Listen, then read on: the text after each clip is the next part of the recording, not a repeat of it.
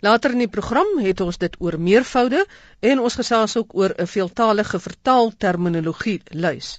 Maar eers het ons 'n kleurvolle bydra oor die tale en kultuur in Ethiopië. Fritz Klaasse het onlangs Ethiopië besoek en vir ons hierdie bydra saamgestel. Welkom in Ethiopië.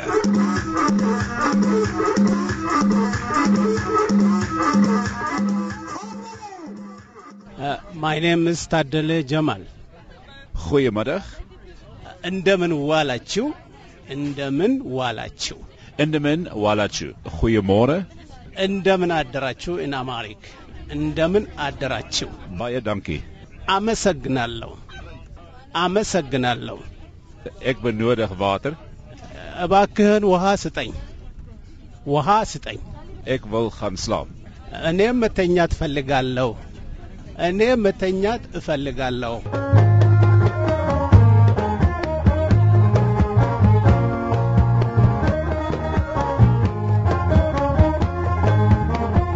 En om so blootgestel te word aan 'n totaal nuwe kultuur, kan 'n mens se brein nou nogal laat bollemakiesie.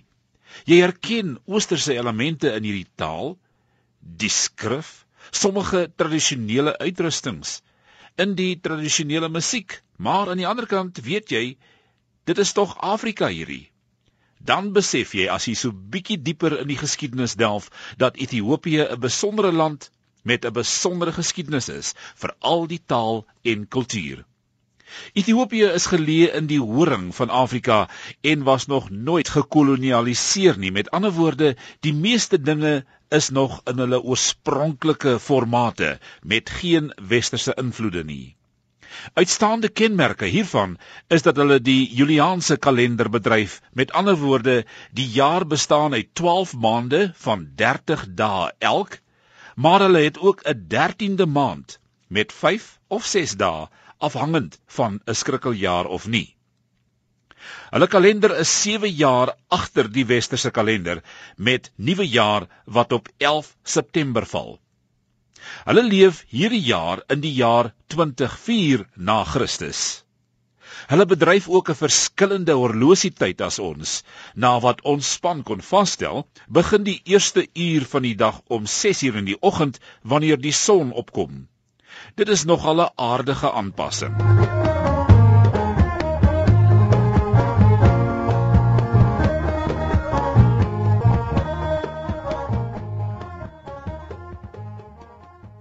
Die Federale Republiek van Ethiopië het 'n geskatte 78 miljoen inwoners en is 'n multi-etniese staat.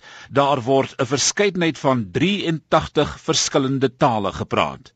Daarvan is daar 'n verdere 200 dialekte. Nogal ingewikkeld as ons dink aan ons 11 amptelike tale van Suid-Afrika. Net soos Afrikaans by ons, sal hulle byvoorbeeld Namakwalandse Afrikaans as 'n erkende dialek voorstel. Kaapse vlakte Afrikaans en sovoorts. Die Amariese taal is die amptelike taal van die land, terwyl Oromia, Tirninya en Gurnya ook wyd gebesig word. Kom ons kyk na die Amariese taal, bekend as Amharic. Amharic is een van die 3 grootste semitiese tale van die wêreld. Arabies het die meeste sprekers in die wêreld, dis so geskatte 206 miljoen sprekers. Amharic is die tweede meeste met ongeveer 27 miljoen sprekers en dan eers kom Hebreëus met ongeveer 7 miljoen sprekers. En so terug in die bus het ek vir Tadele Jamal gevra oor die Amhariese alfabet. Vir my oog lyk dit kompleet soos mannetjies met koppe wat hardloop, spring en dans. We have uh, 29 uh, Amharic letters that beginning from uh, ha, le, ha. Ha, it's repeat but different in style. Me, se, re, se, sha, ka, ba, ta, che, ha, a, ne, nye, uh, up to tsa, 29. uh, is the last letter. Hiervandaan word dit meer ingewikkeld want Tadle verduidelik dat elke letter nou sewe verbuigings het, soos met A wat hulle noem H. Wat is die verbuigings verder? Ha, who, he, ha, he, he, ho. That's seven uh, uh, into row. So A het nou sewe verdere verbuigings wat in verskillende situasies gebruik word, soos met geslag, meervoud, enkelvoud en so aan. En so gaan dit verder met die tweede letter van die alfabet wat ons ken as B. Dit is in Amariek le. Dis nie soos B by ons nie, maar 'n letter le. Hier is die verbuigings en nou begin Tadle my verwarring raak sien. Le, lu, li, la, le, le, lo. Ja. Nou voor ek nou met jou ook begin, ek bedoel met die verwarring, kan ek maar net sê, so gaan dit aan van letter na letter en elkeen met sy eie verbuiging. In sommige semitiese tale is die konsonante die belangrikste betekenisdraers en hier is dit ook so. Sommige simbole in die Amariese taal bevat beide konsonant en vokaal. Volgens Stadle Jamal is die taalsprekers versprei volgens etnisiteit en geografiese herkoms. Elke taalgroep het sy eie administrasie en is self verantwoordelik vir sy eie taal en kulturele ontwikkeling en voortbestaan. Amharic is egter 'n lingua franca in Ethiopië, maar is nie noodwendig in wetgewing verskans nie. Dit word toegepas as 'n aanvaarde norm gebaseer op wederwysige respek. En om mee af te sluit, het ek vir Hanna gevra om so 'n paar algemene sinne te vertaal in Amharic. Die werkwoord kom altyd agter aan die sin. Hanna, ek praat so bietjie Amharic. እኔ ትንሽ አማርኛ እናገራለሁ። እኔ ትንሽ አማርኛ እናገራለሁ። እኔ ትንሽ አማርኛ እናገራለሁ። Amarinje is dus Amharic. Hanna, my naam is Daniel. የኔ ስም ዳንኤል ነው። የኔ ስም ዳንኤል ነው። የኔ ስም ዳንኤል ነው። Hanna, wat is jou naam? የእርስዎ ስም ማን ነው? የእርስዎ ስም ማን ነው? የእርስዎ ስም ማን ነው? En laastens Hanna, ek is van Ethiopië. እኔ ከኢትዮጵያ ነኝ። እኔ ከኢትዮጵያ ነኝ። እኔ ከኢትዮጵያ ነኝ። Dit is dan die tale van Ethiopië. Baie dankie aan my twee helpers. Dit is eh, Tadle Jamal en Hanna. Dankie ook aan Jurgen Skuman van Live the Journey wat hierdie besoek moontlik gemaak het. Interessante inligting van die taal en kultuur van ons susterland Ethiopië. Fritz Klaaste het hierdie bydrae vir ons saamgestel. Ek het ook gesels met professor Anne Marie Bekes. Sy is hoof van die departement linguistiek by die Universiteit van Johannesburg. En ons het gesels oor vertaling, maar eers het ek haar gevra om vir ons te vertel van die veeltalige vertaalterminologie lys of woordeboek. Dit is 'n woordeboek wat gerig is op die terminologie van vertaling. So dit is 'n dit is 'n termlys in 'n sekere sin, maar dan eh, het ons in die boekie ook opgeneem definisies en voorbeeldsinne en en die soort van goed wat nou woordeboekagtig is. So ons ons noem dit inderdaad ook 'n woordeboekie van uh, vertaalterminologie. Nou hoeveel tale is daar op die oomblik beskikbaar? Vir elke inskrywing, vir elke konsep wat ons opgeneem het in die woordeboekie, gee ons die Engelse term en dan gee ons 'n definisie in Engels en dan om nou juis um, om omdat dit nou 'n nuwe bydrae is hoop ons tot Afrikaanse um, vertaalterminologie gee ons dan die Afrikaanse woord die Afrikaanse term met 'n Afrikaanse definisie in Afrikaans en dan voorbeeldsinne ook in Afrikaans. En dan volg daarna die term ook in Duits, Frans, Spaans, Nederlands en wat het ek nou hier uitgelaat? Daar ja, ek dink dit is die hele lotjie. Ek verstaan dit het intussen uitgebrei dat daar meer tale uh, beskikbaar is.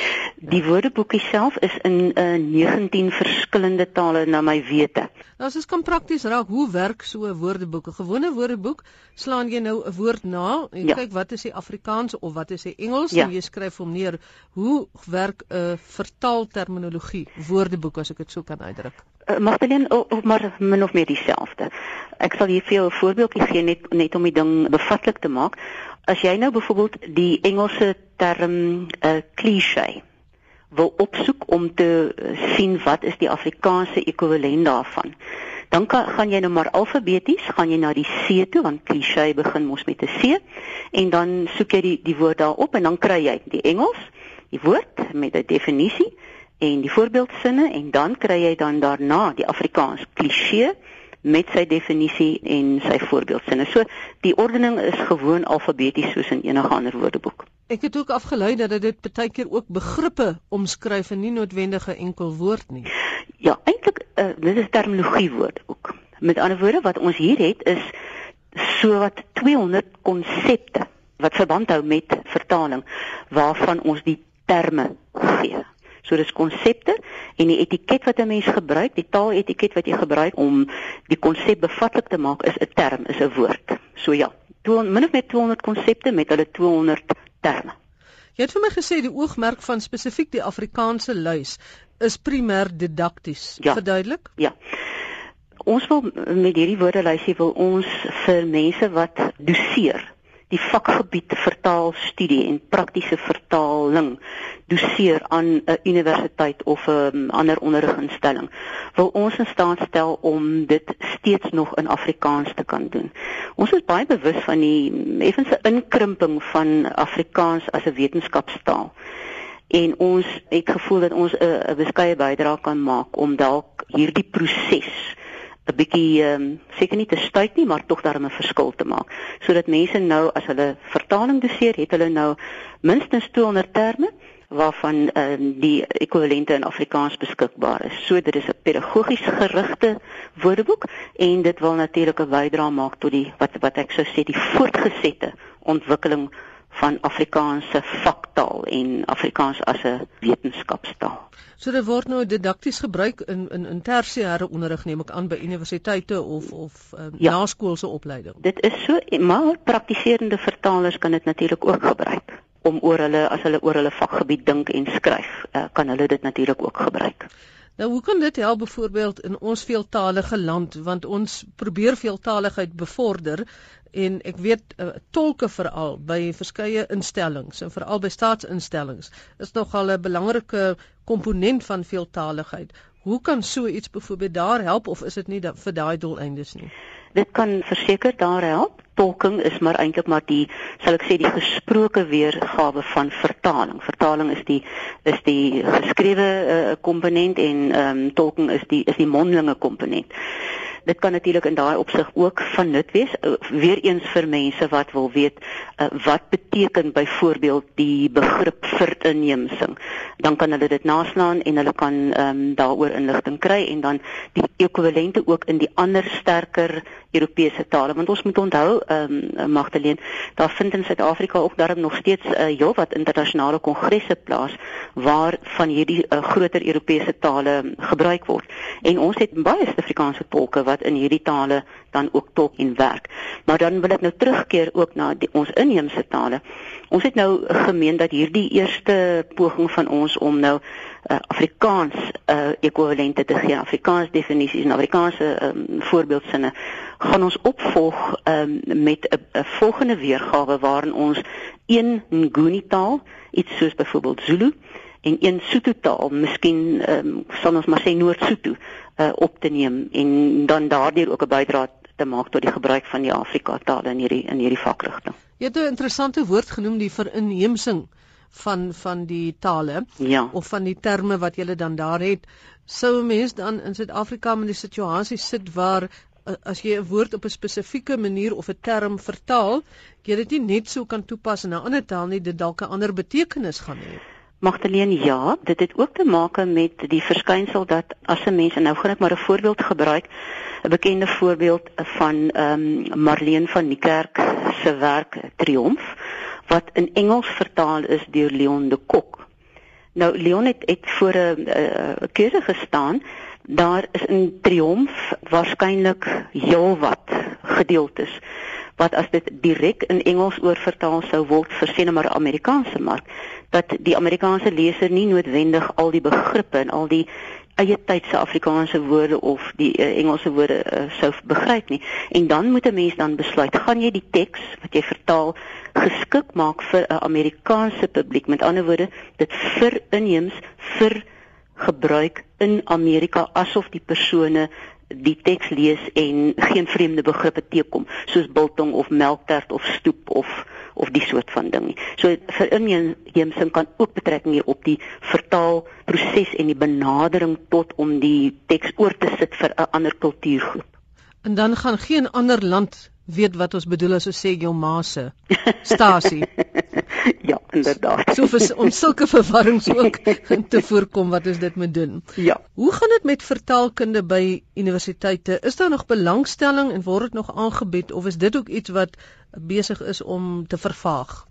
Nee Magdalene, ek dink nie dit vervaag nie. Ek dink daar is 'n um, sterk belangstelling. In die algemeen moet ek daarom sê dat taalvakke so klein bietjie aan die agterspeen suig uh, op hoër onderwysvlak. Dit is asof daar 'n neiging is dat baie matrikulante maar graag in die in die natuurwetenskappe of in die handelswetenskappe en die regte gaan studeer en dalk nie in die eerste instansie 'n loopbaan um, in tale en die aanwending van tale, toepassing van tale um, oorweeg nie. Maar by ons hier by die Universiteit van Johannesburg het ons byvoorbeeld 'n vertaalkursus wat ons aanbied en dit word redelik mooi ondersteun en daar is aan meeste van die groot universiteite in ons land is daar toegewyde vertaalkursusse wat na my wete ook goed ondersteun word. Natuurlik sou ons groter ehm um, getalle wil hê in ons klasse. Dit sou 'n ideale wêreld natuurlik fantasties wees, maar ehm um, ja, dit is waarskynlik die tekens van die tye dat die aksente deesdae anders lê.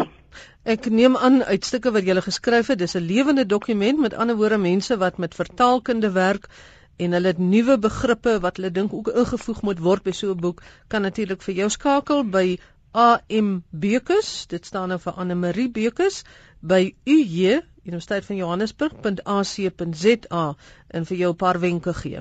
Ons sal dit uh, hartlik verwelkom want uh, vir die vertaalstudie is soos meeste ander vakgebiede 'n groeiende uh, dissipline en en ons uh, sou baie graag um, nuwe terme en goed byvoeg. Dit dan professor Anne Marie Bekus, sy is hoof van die departement linguistiek van die Universiteit van Johannesburg. En nou kom ons by ons gereelde taalspeletjie en vandag gaan dit oor meervoude.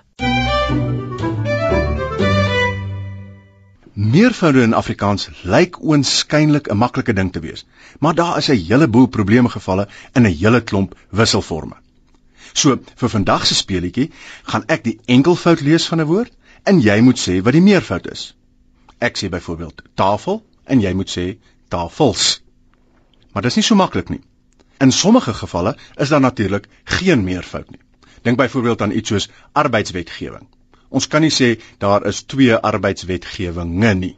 En in ander gevalle kan daar natuurlik meer as een vorm wees, soos byvoorbeeld een aantuiging, maar twee aantuiginge of twee aantuigings.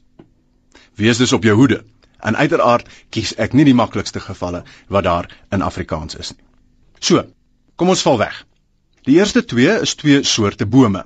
Nommer 1: berk. 2: kalender. Dan samestelling betekenisverdigting eksaminator gasvrou teenoor edelvrou dan enetjie wat lyk of hy maklik gaan wees. Been, so ek waarsku daar's 'n vangplek. Been. Dan aquarium en ten slotte magnum opus.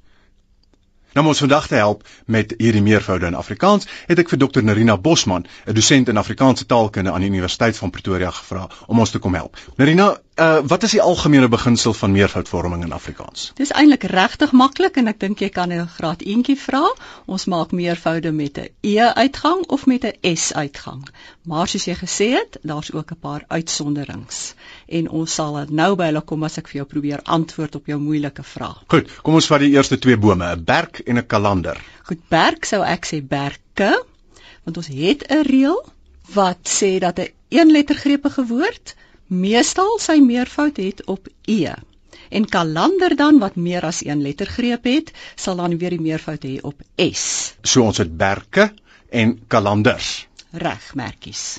Kom ons kom dan by nommer 3 en by nommer 4, albei woorde wat eindig op ing. Eerstens samestelling en dan betekenisverdigting. Ek sal kies vir 'n s by samestelling vir die meervoud, alhoewel die AWS duidelik uitspel dat daar 'n moontlikheid is vir samestellinge. Betekenisverdigting is daar egter geen moontlikheid van 'n meervoud nie, hoofsaaklik omdat verdigting 'n massa naamwoord is, so sand en dus geen meervoudsuitgang sal kry nie. So dis amper soos arbeidswetgewing wat ek in die begin gesê het, ons kan nie 'n meervoud daarso gee nie. Dit is baie dieselfde soort, ja. Dan kom ons by eksaminator. Goed, hier het ons nou iets interessants van die uitspraak gaan nou ook verskil afhangende van watter meervoudsvorm jy gaan kies. So jy kan die S kies eksaminators, maar as jy die E uitgang kies, dan moet jy nou jou O rek eksaminatore, soos by lektor, lektore. So gebeur dit dikwels met woorde wat eindig op or in Afrikaans. Ja, ons kry byvoorbeeld ook lektor, lektors, lektore en dan woorde wat byvoorbeeld eindig op uur, soos bankier, waar ons kan kies tussen bankiers of bankiere. Daar is heel party van hierdie agtervoegsels wat dan of 'n S of 'n E kan kry. Dan kom ons by die twee wat eindig op vrou, gasvrou en edelvrou. Goed, gasvrou. Ehm um, dit is interessant dat ons in Afrikaans benewens die E en die S ook 'n E en S meervoudsvorm moontlikheid het. So ons sou kon praat van gasvroue en gasvrouens en dieselfde dan edelvrou, hè? of edelvrouens. By edelvrou is dit interessant dat ons nog moontlikhede het. Ons kan ook praat van edelliede of edellui. Ehm um, julle ken waarskynlik die uitdrukking die beste stuurlui staan aan wal of ons hoor ook dikwels sportlui. So dit is daar ook moontlik en hierdie lied en lui beteken doodgewoon mense maar ons sal nou definitief nie sê edel mense nie. Maar uh die liede en die lui het vir my altyd so 'n bietjie 'n uh, ouer gevoel en 'n uh, uh, of 'n verouderde gevoel. Dit het dit is 'n bietjie deftig seker ook, dit word seker ook so gemerk in 'n woordeboek, maar ek hou nogal van ouer moontlikhede. Dit maak die taal groter, oper, wyer. Weet jy waar die lui en die liede vandaan kom miskien? Ek um, sou die etimologie bietjie beter moet gaan naslaan, maar dit beteken gewoon volk of mense. Uh, luisteraars ken dalk die Duitse woord Leute. Dit hou verband met daardie woord. Aha, aha. Kom ons kom dan by die vangplek been. Ja nee Gerard, ek sien jy is is lus hier om uit te vang. Ek om jou been te trek. my been te trek. Ek die eerste gevoel wat mens natuurlik het is dit dis gewoon bene, nê? Nee? En dan geen moontlikheid van beens nie, maar jy sin speel op die ander betekenis wat ons het by beendere dink ek ja.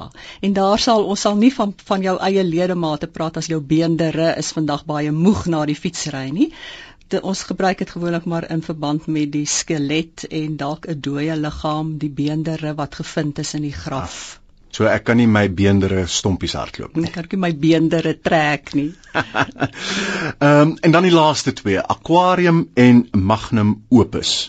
Ja, ons het natuurlik 'n magdom woorde wat eintlik van Latyns-Griekse oorsprong is in Afrikaans en daarom het ons ook die ou Latynse uitgang meervoudsuitgang moontlikhede nog. So ons sou kon sê aquaria, nee, dit ken ons goed of aquariums. Ons het ander woorde ook sentrums, sentra, stadiums, stadia en dan magnum opus. Magnum opus, ja, daar het ons nou 'n probleem want dit is nou twee woorde nê.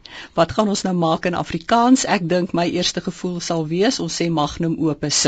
Maar as ons nou gaan kyk na die latynse oorsprong daarvan, dan kan ons daarvan ook maak en jy kan jou geleerdheid heerlik tentoonstel en praat van magna opera. Narina, vreeslik dankie vir jou moeite. Baie dankie dat jy vandag hier sou was en hopelik tot 'n volgende keer. As jy enige vrae het oor meervoude in Afrikaans of sommer enige ander voorstelle het vir hierdie program, skryf gerus vir my by taalvraag@rsg.co.za.